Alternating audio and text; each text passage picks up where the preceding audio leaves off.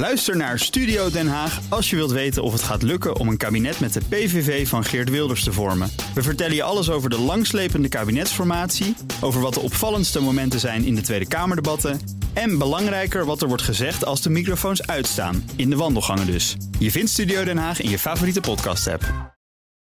De Nationale Autoshow wordt mede mogelijk gemaakt door Leaseplan. BNR Nieuwsradio. BNR, de Nationale Autoshow. Meindert en Wouter. Al 40 jaar bouwen ze auto's met één missie: no compromise.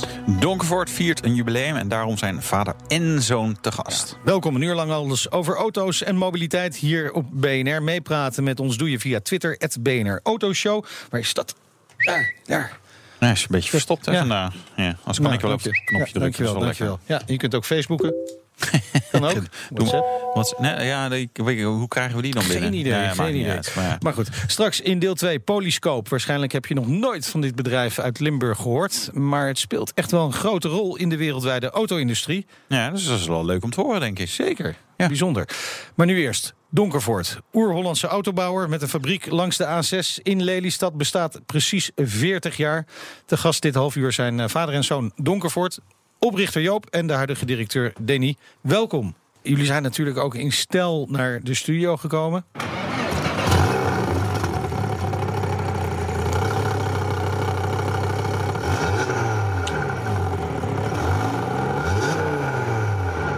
bescheiden, toch? Ja, bescheiden nog. Maar lekker met de open dakje hier naartoe gekomen natuurlijk. Dit is wel het weer eh voor onze auto's ja, natuurlijk. nou inderdaad, ja. En een bijzondere kleur staat er voor de deur. Ja, shit dat ik het al heb gezegd aan jullie. Maar 1994 Lexus kleur. Maar wel heel erg mooi in de combinatie met het carbon. Ja, het is een beetje ja, een midden, middengroen metallic. Het is niet donker, het is niet licht. Het is echt eh, maar een apart kleurtje. Wel, eh, wel gaaf inderdaad. En het mag weer, hè, groen metallic. Het is weer helemaal in. Ja, dat is dus ja, wat dat betreft eh, helemaal hip en happening. Voor de leken, wat eh, Staat er voor de deur? Wat staat voor de deur? Een donkervoort. Een GTO RS. De latest and greatest. Precies. En hoeveel, eh, want dat is dus Audi 5-cilinder nog steeds. Wat, eh, en neem ons even mee. Specificaties, ja, cijfers, Specificaties. cijfers. Nou, in zijn lichtste variant eh, rond de 700 kilo. Zelfs een beetje eronder. 415 pk. 0 tot 100 2,7. 0 tot 200 7,8. Ja, dat is serieus Topsnelheid snel. 270, maar dat is niet belangrijk. Nee, nee. Het gaat om acceleratie en G-krachten. Ja. En daarvoor moet een auto licht zijn eigenlijk. Om echt optimaal te kunnen genieten. Het is hetzelfde als je natuurlijk een, een zware motorfiets rijdt. Of een lichte racefiets. Dat weten we allemaal dat dat natuurlijk een beetje anders remt. Een beetje anders stuurt. En zo moet je het ook met de auto zien. Er zit een bepaalde verhouding tussen ons lichaamsgewicht. En het gewicht eigenlijk waarmee we rijden. Maar in een auto kan je toch zeggen: van, ja, maar god, weet je, dan doe je. Nu heb je een vijfcilinder. Er zijn ook eh, twaalf cilinders. Weet je, je kunt natuurlijk gewoon pk's erbij gooien. Ja. Ja, maar dan heb je pk's erbij. Ja. Maar ook gewicht erbij. ja. Op zich weten we dan natuurlijk, je kent, eh, je kent onze prestatie, of nou de Nürburgring record of andere dingen is, dat we toch met deze pk's, 400 pk, best wel een redelijk snel zijn. Snel, ja. Ja, dat gaat wel eh, aardig inderdaad. Eh, Joop, 40 jaar geleden begon het. Eh, waarom, wij, wij kennen dit verhaal natuurlijk, we hebben het al eens eerder gehoord... maar voor de mensen die het nog niet kennen... waar- waarom ging je auto's bouwen? Kon je niet vinden wat je wilde hebben? Zo, nou, dan val ik even stil hoor. God, waarom was het eigenlijk ook weer 40 jaar geleden? Geen idee eigenlijk. Nee, nee eh, ik, ik heb natuurlijk het al een, eh, een paar keertjes verteld. Ja. Elke keer wordt het trouwens een beetje anders. Steeds leuker eigenlijk. Ja, dus ik zit te denken welke versie dat ik nu zou vertellen. Maar eh, in- feite eh, was het natuurlijk zo dat eh, autootjes tekenen... ooit auto-ontwerpen worden. Daar dromen natuurlijk vele jongetjes van. Ja. Ik ook. En toen in één keer kwam er dus de gelegenheid dat, eh, dat de importeur wegging... En ik dat importschap Van de Lotus. van de Lotus eigenlijk Caterham dat was het, ja. overnam. En toen bleek, je kent het verhaal, dat ik een kat in de zak had gekocht. Want hij kon niet worden gehomologeerd. De tanks hadden verkeerde plaats, hij was veel te smal en al dat soort dingetjes meer. En ja, en dan zeg je, ja goed, eh, dan heb ik eh, mijn centjes voor niks geïnvesteerd, gooi maar weg. Of dat je dan zegt, nee hoor, ga ik helemaal opnieuw beginnen. Ja. En dan ga ik het eh, helemaal op volgens mijn eigen ideetje doen. Nou, dat laatste is er gebeurd. Ja. En ja, er zijn natuurlijk vele types de revue gepasseerd... tot hetgeen wat nu buiten staat. Het blijft evolutie. Hè? Dus je kunt, je, heb je nooit gedacht van... Goh, ik ga eens even in een hele andere auto tekenen. Ik moet nu echt, echt alles weggooien en een andere vorm. Nooit. Ja, wel gedacht, maar nooit gedaan. Ja, laat het zo zeggen. Je, kan best over allerlei soorten andere auto's dromen. Maar het punt is natuurlijk dat je, dat je zegt... ik ben dit begonnen uit hobby, uit liefhebberij. Ik vond dit heel erg mooi. En vind ik nog steeds. En eh, een ander aspect, een, een ander voorbeeld daarvan... is bijvoorbeeld Porsche 911. Dat betekent telkens eigenlijk datzelfde concept... wat je telkens een beetje verbetert. De auto's worden daarmee steeds beter... Ja. En in, in feite heb is dat natuurlijk een betere zaak als telkens iets nieuws beginnen en weer telkens weer opnieuw eigenlijk alles moet uitvinden. Waar je ook steeds alle fouten weer uit moet gaan Precies. wegwerken. Ja. Denny, jij, eh, je bent nu 30 jaar, om en nabij. Ja, ja. Eh, eh, je, jij groeit daarmee op natuurlijk. Met het feit dat je vader een autobedrijf heeft. Dus je beseft waarschijnlijk pas later dat het eigenlijk wel heel bijzonder is. ja. Wanneer kwam dat moment? Nou, het besef van dat het bijzonder is, dat, dat weet ik niet meer precies. Maar ehm, kijk, eh, vroeger was ons bedrijf natuurlijk naast het huis. En dan kwam je van school en dan eh, was er natuurlijk heel veel gaande in de, in de garage, in de werkplaats. En dat was wel voor mij het punt al dat ik ontdekte van ja, dit vind ik ook wel heel gaaf. Eh, de, de passie voor, voor techniek, maar voor auto's eh, vooral, kwam toen al tot stand.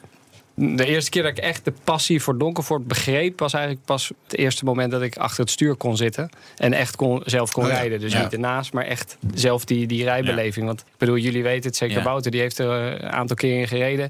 Pas als je een Donkervoort hebt gereden... begrijp je wat de beleving is. En, en dat was voor mij Inmiddels ben ik er weer bijgekomen dat ik weer een keer durf. Nee, dat, is natuurlijk, nee, dat, dat is natuurlijk wel de sensatie van die auto's. Is dat het wel. Ja, het is, ik bedoel, hij bijt niet meteen je strot eraf. Maar je moet echt wel nadenken over wat je doet. Je moet opletten. Je moet opletten. Ja. Hey, ik vind het altijd leuk als je in een auto kijkt. In heel veel auto's kan je gewoon straffeloos vol gas geven op de meeste momenten. Ja. In een Donkervoort kan dat eigenlijk, nou, nooit wil ik niet zeggen. Maar er er zijn, je moet er echt over nadenken moet wanneer je dat gaat doen. Ja, Dit- dat is dit soort waar. dagen, zoals vandaag, dat zijn Ja. van die dagen dat je eigenlijk bijna zonder na te denken vol gas kan geven. Maar inderdaad, als het maar een beetje vochtig of een beetje koud. Ja. Of, ja. Of je denkt eraan dat je misschien gaat sturen. Dan moet je eigenlijk ook denken, Ja. nou, nu even geen vol gas. Maar, eh, maar, maar de- eh, de- ja, wacht even. De eerste keer dat je achter het stuur zat van ja, een Donkervoort. Dat wilde ik ook vragen, man. ja, Oh, dat, eh, dat was, dat was een, ja, nee, vind, vind ik leuk eigenlijk dat je die vraag stelt. Want dat was, dat is een leuke anekdote. dat was namelijk op Le Mans. Op Le Daar Mans. waren we met de Cup aan het trainen.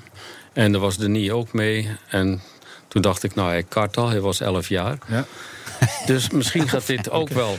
En toen daarna zeiden ze van... Dit is gek, ik zag je auto rijden, er zat niemand achter me.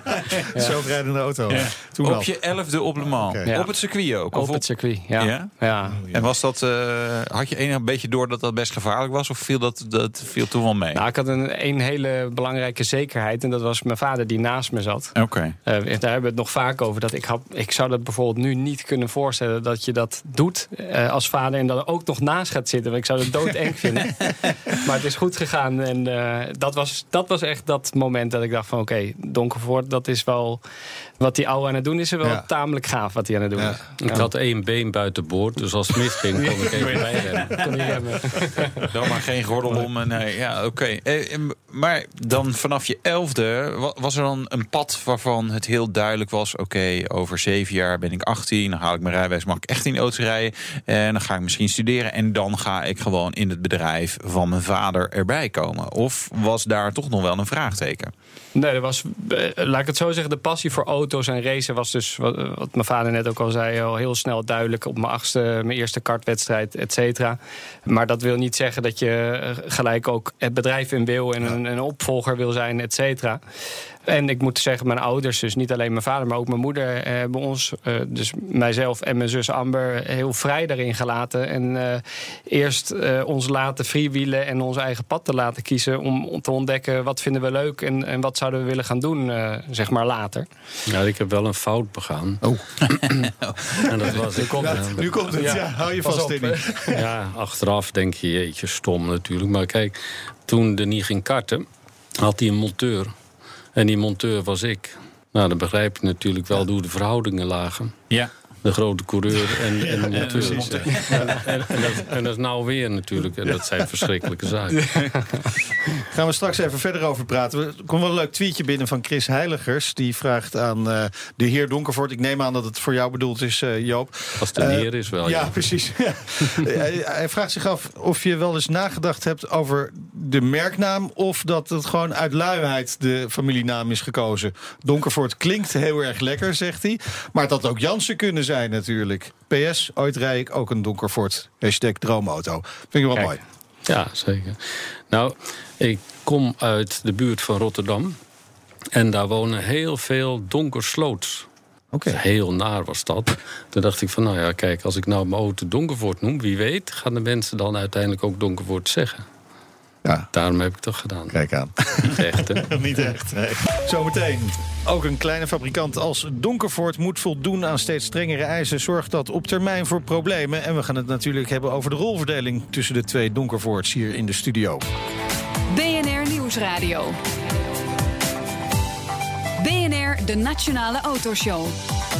Het nieuwsoverzicht van deze week. Deze Wouter. week weer, ja. Jawel. Tesla. We Ja. kunnen er niet omheen. Maar dat is dan eigenlijk weer nieuws over vorig kwartaal. Hè? Dus dat is wel Ja. verwarrend in het Ja. nieuwsoverzicht van deze week. Ja, maar die Oh, cijfers over het vorige kwartaal zijn deze hebben. week gekomen, Ja. Wouter. En die waren niet best. Nou, Nou ja, omzet weet was je, goed. ja, omzet was goed. En de verwachting was natuurlijk ook gewoon dat ze behoorlijk verlies zouden maken. Zijn natuurlijk aan het investeren in het opschalen van die Model 3. Ehm, Ja, lukt dat nou een beetje? mm, Nee. Ja, ik hoor Nee. toch heel veel mensen zeggen, ja, dat lukt. Nee, nou, volgens mij niet. Ze hebben in eh, april, moet ik het even goed zeggen, volgens mij 3875 Model eh 3's verkocht in United States. Maar op andere plekken wordt ze niet verkocht. Dus dat is ook wel ongeveer wat ze dan hebben gedaan. Dat zijn 70 auto's meer dan in maart. Eh, dus je kunt zeggen, ja, het schaalt enorm op. En Elon roept van, joh, wij bouwen eh, nu al drie weken meer dan 2000 auto's eh, per maand. En ze hebben, ze hebben wel een productiestop gehad. Maar als je dan maart en april bij elkaar optelt, is 7600 auto's. En als je dan zegt, ja, we doen al om drie weken 2000 auto's per, per week. Dan zijn er nog vijf weken over waarin ze 1600 auto's hebben Ja. gebouwd. We Ja. gaan het over Formule 1 hebben, Wouter. Want wij zijn natuurlijk helemaal gespitst op Assen en Zandvoort. Welke van de twee gaat de Formule 1 krijgen? Ja, Maar ja, ze krijgen concurrentie. Miami. Miami. En de eigenaren zijn natuurlijk Amerikaans. Hè? Ja, ja, ja, ja, ja, en Miami altijd lekker weer. Vind ik ook hoor, echt een fantastische plek om te zijn, overigens. Eh, dus ja, ik, eh, ik ben voor.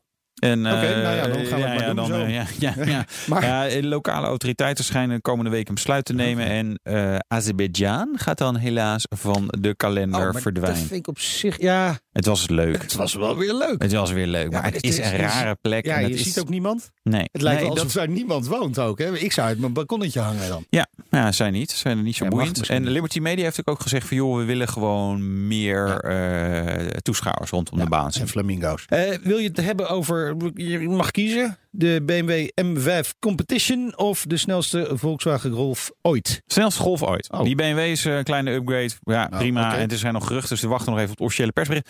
Golf, twee leuke dingen rondom de Golf. Dit is een speciale versie van de Golf GTI. 290 pk, lekker dik uiterlijk. eh topsnelheid 264 km per uur. Volgende week gaan we die echt helemaal zien.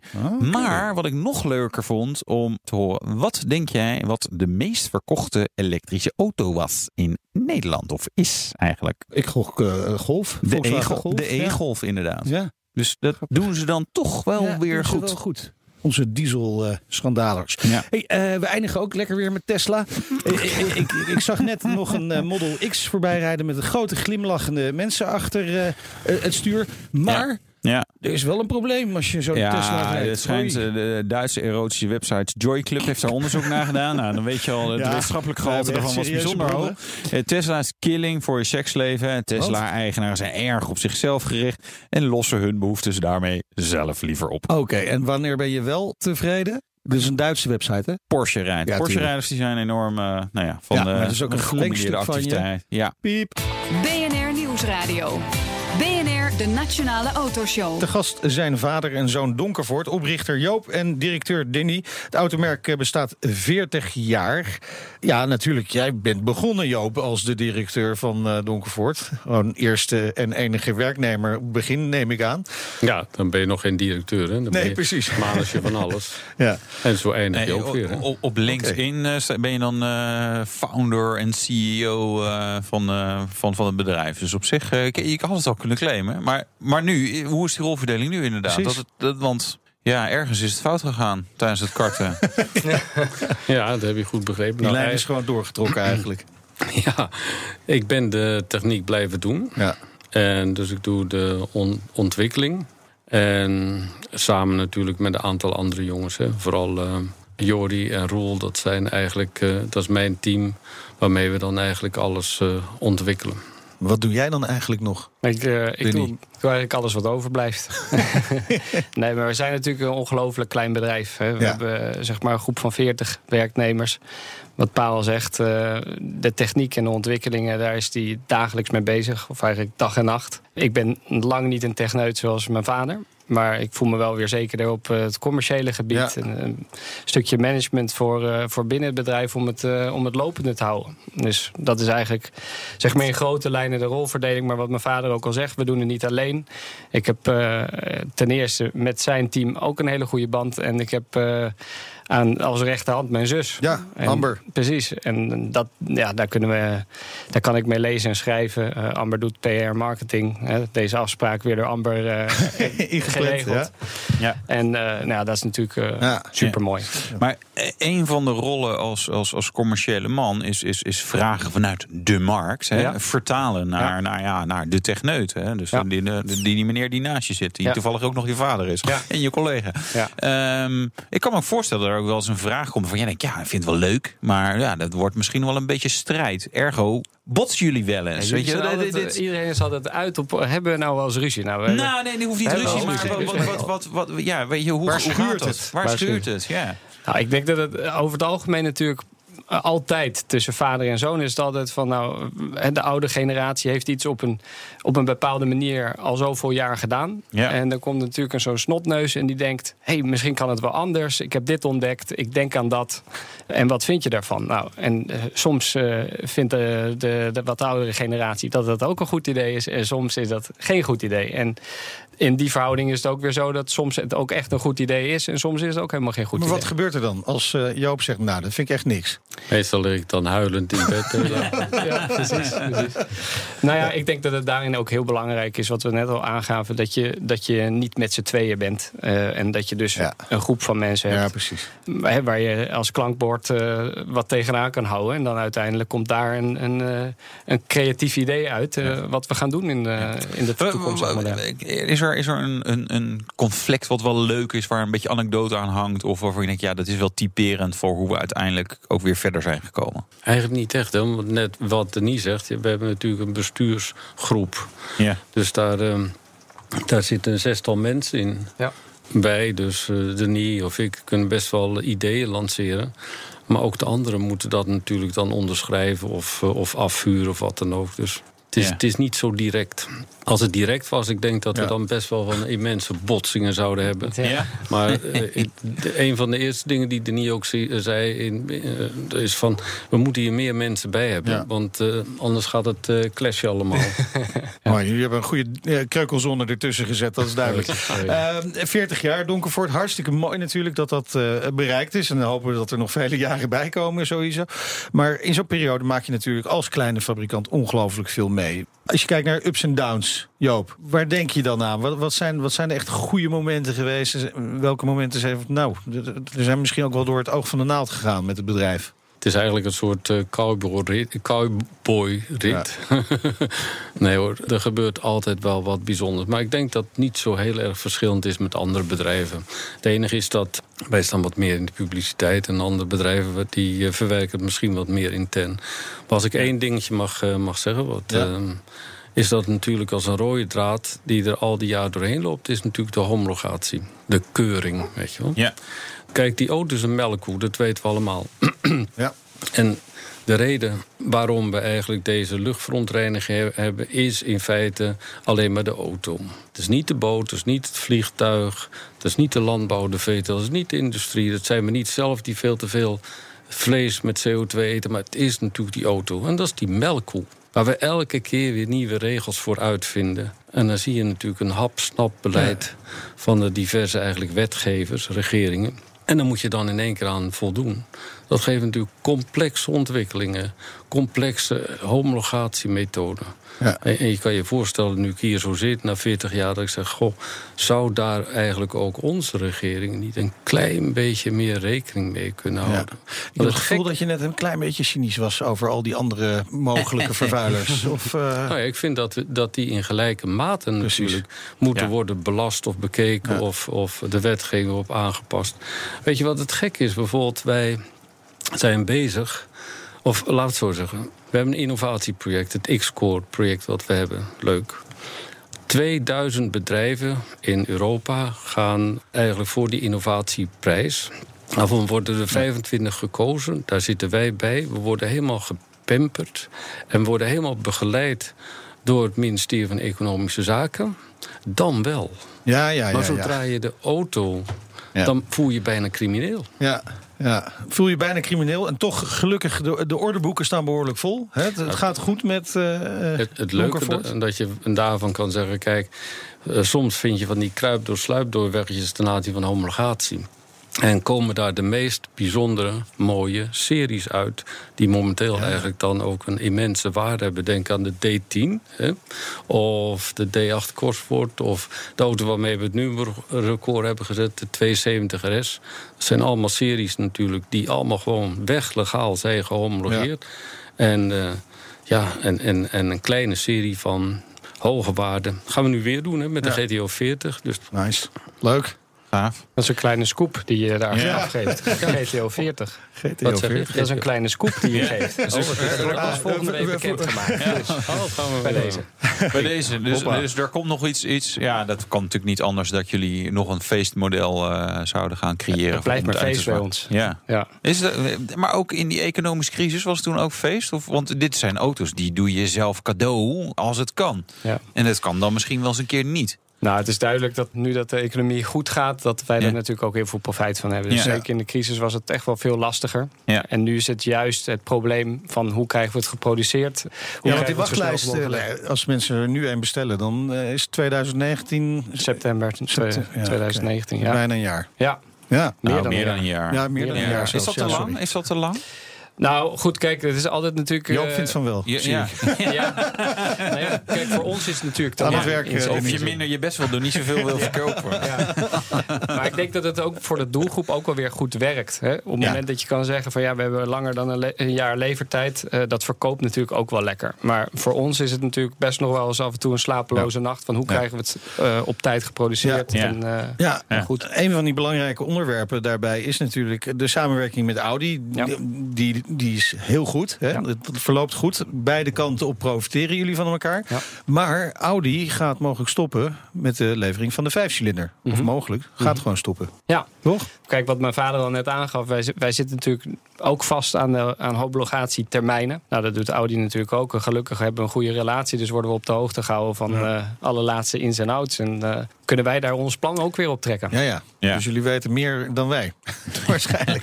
Uh, we zeggen gewoon niks. Nee. Dus, we kennen de ontwikkelingen van Audi. Hè? Ja. Dus, uh, nou, die zitten erg op elektrisch tegenwoordig. Ja, plug-in hybrides. Dus. Zo'n e-tron aandrijflijn in het Donkervoort. Zou dat kunnen? Ik denk dat het zou kunnen. Als ik uh, niet voor mijn uh, beurt spreek als het gaat om techniek. Maar de markt vraagt erom, wilde nou jij dat aan toevoegen? Puur of, vanuit de markt krijg je natuurlijk wel eens die vraag. Maar ik denk dat het aller, aller, allerbelangrijkste is dat het, het DNA van Donkervoort is lichtgewicht puur. En een rijmachine, wat je net zelf al af, aangaf, uh, je moet het zelf doen. Dus wie weet, over tien jaar doen we Ja. dat eh, met een elektrische aandrijving. Maar Ja. het is heel belangrijk dat we al die rotzooi, zoals eh, GPS-volgsystemen, navigatiesystemen, automatisch rijden enzovoort, enzovoort, dat we dat vooral eruit laten. Ja, en de rijbeleving ehm, Ja. centraal laten staan. Ja, maar je moet eh, ge- gedeeltelijk mee. Hè? Want de, de eerste Donkerfords die hadden geen airbag. En nu spiekt ik even. Denk, ik, nou ja, er zit wel weer zo'n zo'n airbagje in. Dat is toch ook gewoon weer eh, 500 gram wat erbij komt. Die eigenlijk, hij moet gewoon niet crashen. Maar het is een airbag op alternatieve manier. Dus het is geen airbag. Het Oh. is een crashzone die inklapt tijdens een crash. Ah, En dat Oké. scheelt een heel, heel hoop gewicht. ah, kijk, we leren vandaag nog weer wat Nou, bij. ja. Is het nog in this lifetime dat we toch nog een eh, plug-in... eh, iets met elektrokracht van de Donkerford gaan zien? Ik denk dat we op dit moment in een hype leven ten aanzien van elektrische auto's. Maar je kunt er de klok op gelijk zetten dat we binnenkort belast gaan worden op eigenlijk het uitnutten van al onze delfstoffen. Zoals kobalt Ja. of mangaan of natuurlijk lithium. Wat je in een accu nodig hebt. Ja, dat mag natuurlijk dadelijk niet meer. Dat begrijp je wel. Want al die arme mensen daar in de Congo... die daar staan onder erbarmelijke omstandigheden... die dingen naar boven te halen, dat mag niet meer. Nee. Moet zwaar belast worden. Ja, duidelijk. Ik zeg op naar de volgende tien jaar voor Donkervoort. Heel veel plezier tijdens de festiviteiten. Dankjewel. En eh, we zijn natuurlijk heel De benieuwd. festiviteit dat moeten we nog even noemen. Hè? Is Ja. volgend weekend. Wanneer is dat precies? Ja, volgende week zaterdag, 12 mei. 12 mei. Dus eh, Ja. doen we een concours d'elegance, een rally. Dus eh, voor iedereen die wil komen, hartelijk eh, welkom. Waar is het? Oh, bij ons eh, in Bij- Lelystad. Kijk, hartstikke mooi. En dat altijd eh, gezellig Tot slot nog even een, vraag via de Twitter eh, richting jou, Danny. Want uh, Mauk de Groot die vraagt of er ruimte is voor stagiairs op commercieel vlak. Uiteraard. Uiteraard. eh, is altijd ruimte. Voor goede Mauk, mensen is je altijd weet plek. waar eh, je contact kunt krijgen via Twitter. Dank voor jullie komst naar de studio. En gedaan. Donkervoort, vader en zoon van het gelijknamige automerk. Heel veel succes de komende jaren. Dank jullie wel. Ja, en zometeen Polyscope, het bedrijf dat kunststof maakt voor auto's. En Meinert mocht Ja. urban active eh, lifestyle eh, dingen Nee, doen hipster. in de BMW X2. Ja, top. De Nationale Autoshow wordt mede mogelijk gemaakt door Leaseplan. BNR Nieuwsradio. De Nationale Autoshow. Meindert en Wouter. Ga maar eens kijken in je auto hoeveel kunststof daarin zit. Hoe moderner die is, hoe meer erin zit waarschijnlijk. Frames voor zonnedaken, dashboardpanelen in het eh, interieur, middenconsole, de motor, zelfs koplampen. Ja, die eh, kunststofonderdelen van het bedrijf Polyscope uit Geleen. Die gaan Zo. heel de wereld over. En het zit zelfs in iedere iPhone. Oh ja, waar dan? Ja, dat weet ik niet. Nou, dat gaat hij zo uitleggen dan. En eh, straks rijden we in de BMW X2. Voorwiel aangedreven. BMW is er toch wel in geslaagd om van die X2 ja, een behoorlijk dynamische auto te maken hoor. Dynamisch. Nou, ik haak altijd al af als zo'n eh, term Zo'n eh, wordt hè? gebezigd. Ja, Ja. ik kon even zo gauw eh, in, de- in de snelheid waarmee ik ging... even Ja. geen ander woord bedenken. Het is lastig, hè? Dat soort auto's in zo'n buitencategorie snel. Dan, hè, om dan nog te blijven nadenken over wat je wil dus de vertellen. auto voor de urban hipster met een actieve levensstijl. En een knotje. Ja, nou ja, Ja. die heb ik wel weer afgehaald toen ik de auto heb ingeleverd. Ik zou wel een keer willen hoor. Gewoon een knotje. Even, knotje? En ja, dan moet even mijn haar laten groeien. Een knotje. Ik zou het ook wel willen. Kan ik ook een beetje dat kale plekje wegwerken. Ja, ook een daar, knotje. daar is- Super handig. Daar is het voor. hè? Daar is het voor. Het is allemaal kale mannen eigenlijk. Heb je een vraag of wil je met ons meepraten? En dat kan natuurlijk via Twitter. Over knotjes. BNR Autoshow. ja, ja, goed. We gaan, het, eh, we gaan het hebben over Polyscope. Het bedrijf maakt kunststof voor grote autofabrikanten. Te gast dit half uur is eh, Patrick Meuzers. Eh, hij is CEO van eh Polyscope. Fijn dat je er bent. We hebben afgesproken te tutoyeren. Dat doen we heel graag bij eh, de Nationale Autoshow. Dus nogmaals, leuk dat je er bent. Je bent net terug uit Azië. Wat eh, was je daar precies aan het doen? Wij hebben als Polyscope acte de présence gegeven op 's werelds grootste kunststofbeurs in Shanghai, de China Plus. Daar hebben we onze producten eh, gepresenteerd aan Aziatische klanten in het engineering plastics en high performance polymers bereik. En wat vervolgens- presenteer je dan? Want heb je dan, we hebben hier wat zo'n handjevol korrels. Ja, dat is best, absoluut. We hebben het best een beetje abstract. Ja, hier, we hebben een plak kunststof of wat. Wat, wat laat je dan zien? In feite eh, spreek je door met toekomstige klanten wat de performance-eigenschappen zijn van dit kunststof, waar Ja. dit kunststof zich in onderscheidt. En bij ons kunststof moet je vooral denken aan de hele maatvaste productdelen die ervan gespoten kunnen worden en een behoorlijk hoge hittebestendigheid, zodat het zijn plek kan vinden in de high-end automotive toepassingen. Maar en we hebben hier een heel groot deel van een panoramadak van een Passat staan, wat ook eh, dat vervangt het metalen frame wat er normaal gesproken in zat. Alleen hoor ik je ook zeggen, ja, hitte vast. Nou, dat hoeft zo'n panoramadak hoeft, dat wordt toch niet echt eh, heel warm, toch? Het panoramadak kan nog eh, stiekem heel warm worden. Ja? In, een, in een interieur van een auto in, in de zon lopen de Ja. temperaturen behoorlijk op. In instrumentpanelen waar we ook voor leveren gaat dat tot 125 graden. En dit soort delen lopen ook richting de 100 graden testtemperaturen. Ja, en een kunststofbakje thuis zet je eigenlijk niet in de oven. Maar dat, dat, nou, met die van jullie zou dat net wel net niet kunnen, bij wijze van. Ja, precies. Ja. Ook wel bijzonder. Iedereen eh, die een iPhone heeft. Ja, iedereen heeft een iPhone, toch? Oh nee. Nee, er zijn er zijn, ook er andere. Ja. Ja, daar praten we verder niet over. Eh, eh, maar daar zit een stukje polyscoop in, dus in deze iPhone. Dat klopt. Eh, het polymeer wordt eigenlijk tweezijdig ingezet, tweeledig ingezet in de elektronica-industrie. Wij leveren het polymeer om een UV-coating te bouwen. Om uiteindelijk de koperleidingen op de eh, printplaat te leggen. Oké. En daarnaast wordt dit type polymeer ingezet om het dragermateriaal van de printplaat te fabriceren. Wat uiteindelijk de, ze noemen het geleidende of conductieve eigenschappen Ja. van dit polymeer bepaalt. Maar dat is wel raar. Want aan de ene kant een best groot deel wat in zo'n panoramadak. Dat kunnen mensen ook zich ook bij voorstellen. Maar een iPhone, ja, dat we hebben dus over onderdelen in een iPhone. Dat zijn dan waarschijnlijk microgrammen of, of misschien wel minder waar je het over praat. Dat is, dat is niet de volumedeal eh, die jouw commercieel manager graag binnenhaalt. Of, of worden, zijn de prijzen dan ook anders? Ik denk één, hè, qua volume zijn dit toch stiekem grote volumes. Ja. Eh 1 gram eh, voor de verkoop iPhone over de laatste vier kwartalen was 175 miljoen stuks. Ja, Dus dan Oh. kijk je toch naar 175 ton materiaal. ja. Eh, snel de eigenschappen, dus Mijn, ja. de specifieke eigenschappen van dit materiaal. Ja. Eh, en de toepassing laat het inderdaad ook toe dat er een andere prijsstelling is. Er zijn ook overigens wel wat andere kwaliteitsspecificaties Ja. voor dit materiaal noodzakelijk in die markt. Ja, dat kan ik me voorstellen. En een groot deel van wat jullie doen is in, in, in automotive. hè? Iets, iets van eh 60% van, van de omzet. Even voor de luisteraars, wij zien het voor ons liggen. Maar wat is het wat jullie leveren? Hoe, en hoe gebruik je dat?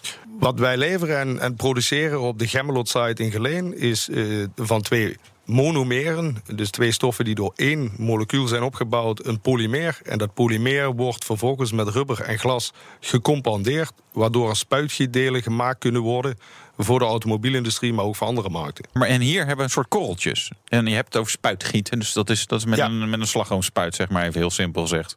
Dat, dat is heel heel simpel gezegd, maar dat klopt. Eh, het- iets gecompliceerder. eh, dit- zijn thermoplasten, dus kunststoffen die opgesmolten kunnen worden. Om vervolgens in een vormdeel, in, in een spuitgiet, In elke gewenste vorm eigenlijk. in elke gewenste Ja. vorm gemaakt kunnen worden. Ja. Is Ja. het echt elke gewenste vorm? Of zijn er wel vormen waar je zegt, nou, dat kan eigenlijk helemaal niet? De limitering is vandaag eh, eh, tool design, dus het ontwerp van, van de mal.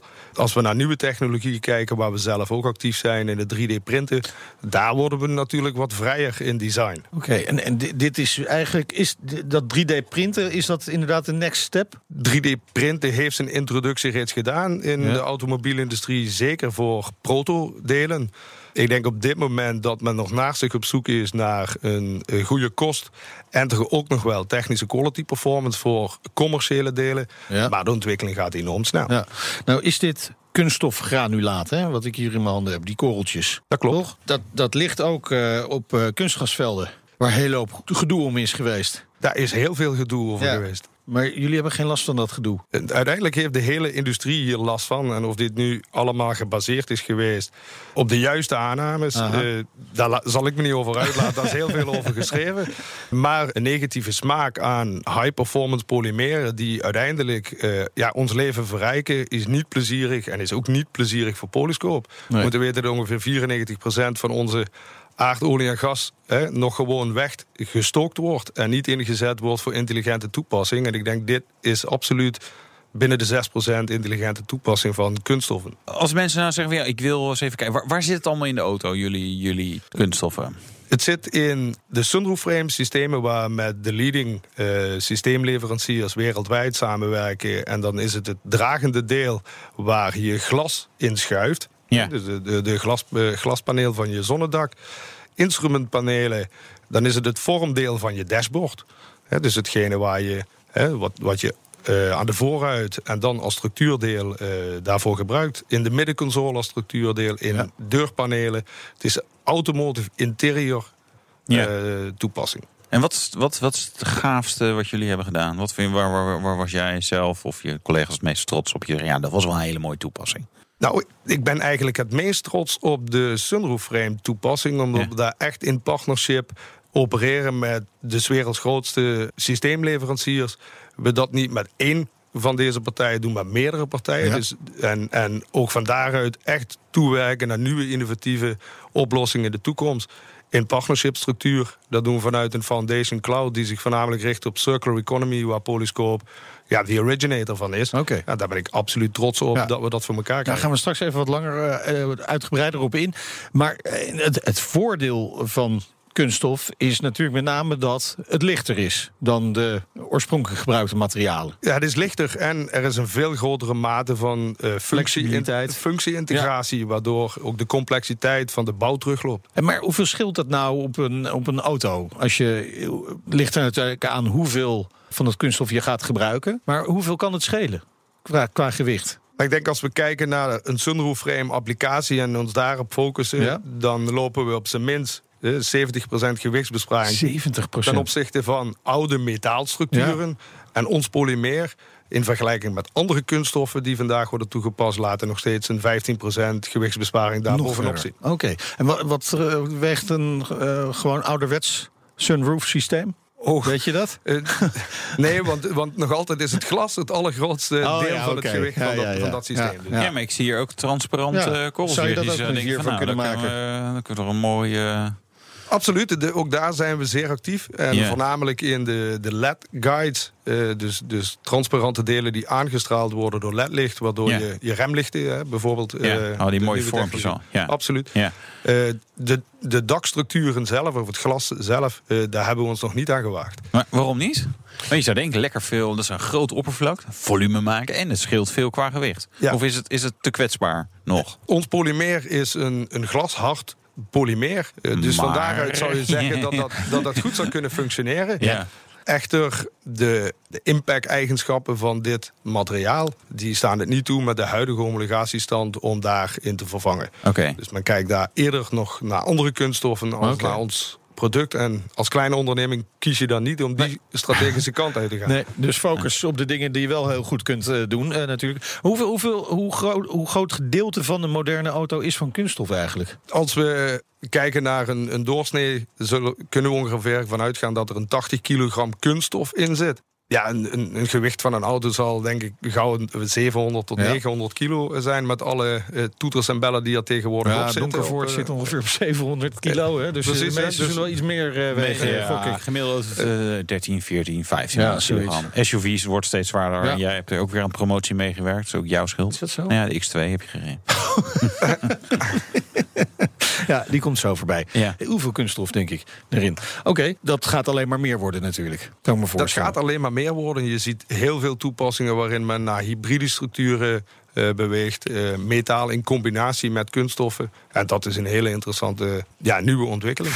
Zometeen, eh Polyscope werkt toe naar een belangrijke presentatie in Amerika. En we gaan rijden. In de BMW X2 zou daar ook iets van polyscope in zitten. Vast wel. Dat gaan we zo uitzoeken. Yeah! BNR Nieuwsradio. BNR, de Nationale Autoshow. We gaan rijden. De rijimpressie. Ja, Meijer test de nieuwste compacte SUV staat hier, maar dat is natuurlijk niet goed. Hè? Het is een Nee. sports, acti- Ja, activity vehicle van Ja. BMW in ieder geval. BMW die noemt, heeft nooit standaard modelnaam, is altijd iets anders. Maar in ieder geval, dit is de X2. Ja. Tel je even mee? X1, X3, X4, X5, X6. Ja, daar mist natuurlijk een getalletje. Wist men bij BMW ook wel. En we maakten al eens kennis met de X2-concept op de Autosalon van Parijs 2016. Nou, logischerwijs moest deze er dan ook komen. Nou zou je kunnen denken dat de X2 een gekrompen versie is van de X4... Want dat is de X4 ook een beetje van de X6. Dus van alle even getallen X'en een coupé-versie maken, crossover, SUV-ding.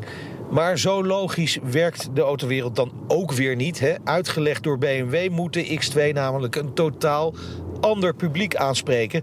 Namelijk de urban hipster met een actieve levensstijl. Ja, ja, een baard en een knotje dus.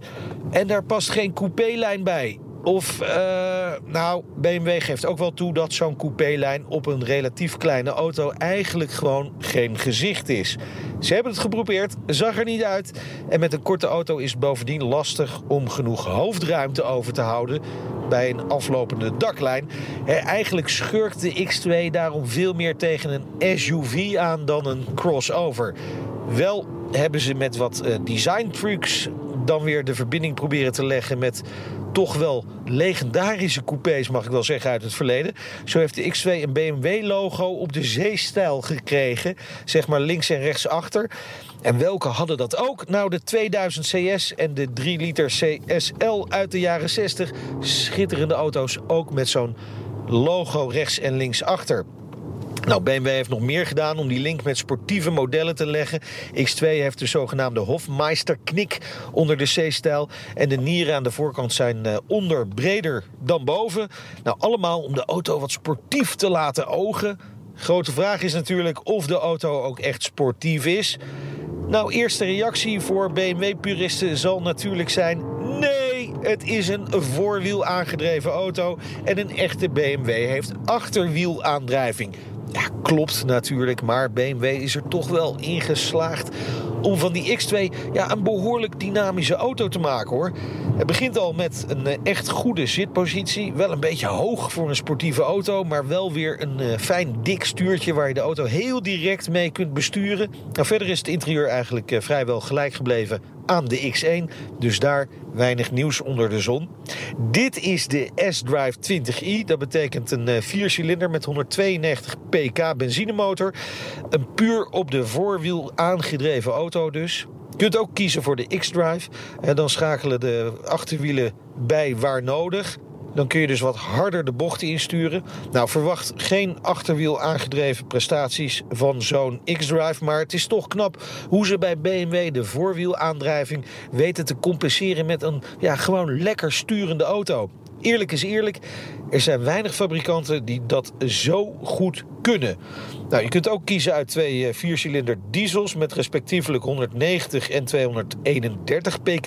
En ja, BMW moet er ook aan geloven, drie cilinders, ze zitten er ook aan te komen omdat de auto voor hipsters bedoeld is, komt hij ook in hele hippe kleuren. Deze is Misano Blue met rood-oranje leren bekleding. Andere keuzes zijn Sunset Orange en Galvanic Gold. Je moet trouwens wel een eh, veelbelovende tech-startup hipster zijn om de auto te kunnen veroorloven. Instappen gaat vanaf net geen 48.000 euro. En dat is weer fors. De BMW X2. Ja. Of zit uh, het, het gat wat nodig moest worden opgevuld ja, door BMW? Uh, nou, ja, mm, nee, nee. Maar ik vond, ik, ik vond wel knap, hè, want je gaat er natuurlijk een beetje met een vooroordeel in. Eh, voorwiel aangedreven nee, BMW, nee, ja, wil ik eigenlijk niet. Ik wil gewoon lekker achterwiel. Ja, en? En dan valt het toch wel heel erg mee. En dat, eigenlijk wel knap gedaan want voor een voorwiel aangedreven auto is een van de best sturende auto's, denk ik. Nee, van in, in zijn klasse. In zijn klasse, natuurlijk. in zijn klasse. Dus ja, je hebt, ja, ja. Hij is knap gedaan. Ja. ja. Geef nou maar gewoon toe, het is knap gedaan. Ja, nou, wat het grappig is, ik vind hem wel, ik vind hem wel grappig eruit zien. Ja. Dus dat, dat zeker, is wel goed. Zeker in die, die, die smeur... In geen 48.000 jaar met een vanafprijs van 48.000 euro. Nou, Zo, daar zijn we ook weer uit. Ja. Deze auto koop ik direct van mijn winst op bitcoins. Hoe gaat het met je bitcoins? Ik heb ik niet. Oh. BNR Nieuwsradio. BNR, de Nationale Autoshow. Wij praten verder met eh, Patrick Musers, de baas van Polyscope. Het bedrijf maakt kunststof voor de auto-industrie en groeiende uh, afgelopen jaar met 20 procent. Zo, dus uh, vraag naar al die kunststoffen van jullie dus. Er is absoluut vraag naar de kunststof. Ja. ja. Is het uniek wat jullie doen? Kunststof, nou dat kan je toch uh, op meer plekken inkopen, zou je denken. Je kunt kunststof op heel veel plekken inkopen yeah. zelfs. En er zijn hele grote ondernemingen die zich daar ook heel erg goed mee bezighouden. Polyscope heeft een speciaal kunststof en, en een strategische focus op dit specifieke kunststof. En als gevolg van die dedication En die focus om, om echt dit product te laten differentiëren, kunnen we gewoon succesvol concurreren met de grootste ter wereld. Maar dat betekent ook dat jullie dus veel inzetten op eh, research en development. Dat moet haast wel.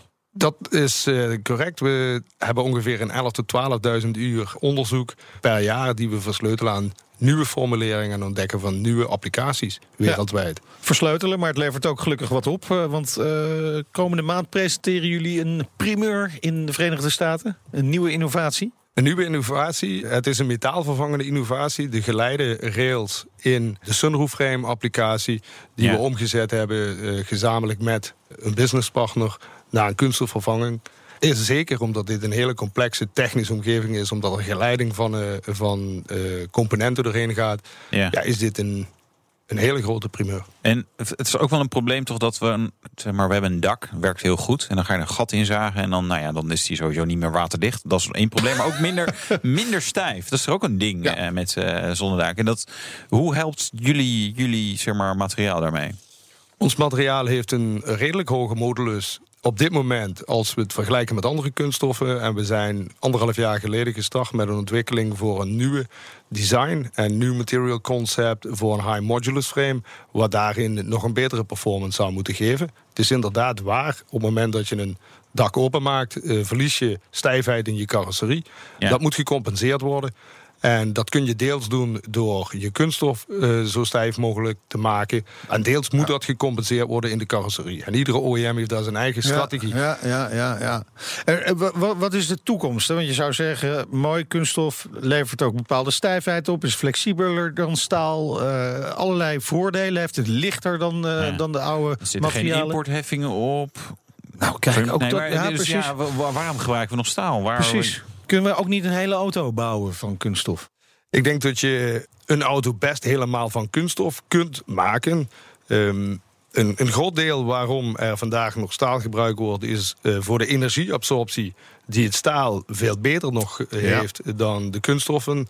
En veiligheid is een, een heel belangrijk key item natuurlijk in de automobielindustrie. Ja, dus bij botsingen wil je toch liever een stalen kooi hebben om je heen dan een kunststofkooi? Je wil op zijn minst zeker stellen dat je een hele goede crashzone ja. hebt. En een combinatie van kunststof en staal zou daar een hele mooie oplossing zijn. Zeker met de wijzigingen in de aandrijflijnen en technologie die er aan staat okay. te komen. Welke onderdelen van de auto zou op korte termijn vrij gemakkelijk in kunststof uitgevoerd kunnen worden die nu vaak nog van staal zijn? Panelen van de auto, achterkleppen die vaak nog in staal uitgevoerd worden. Daar zijn reeds voorbeelden van, hè, om dat volledig in kunststof en deels in kunststof te doen. En voornamelijk ja, kijkend naar de staalconstructies van seating en hybride oplossingen, samen met de, de thermoplast composietoplossingen zoals ja. wij die ook aanbieden. Kijk aan.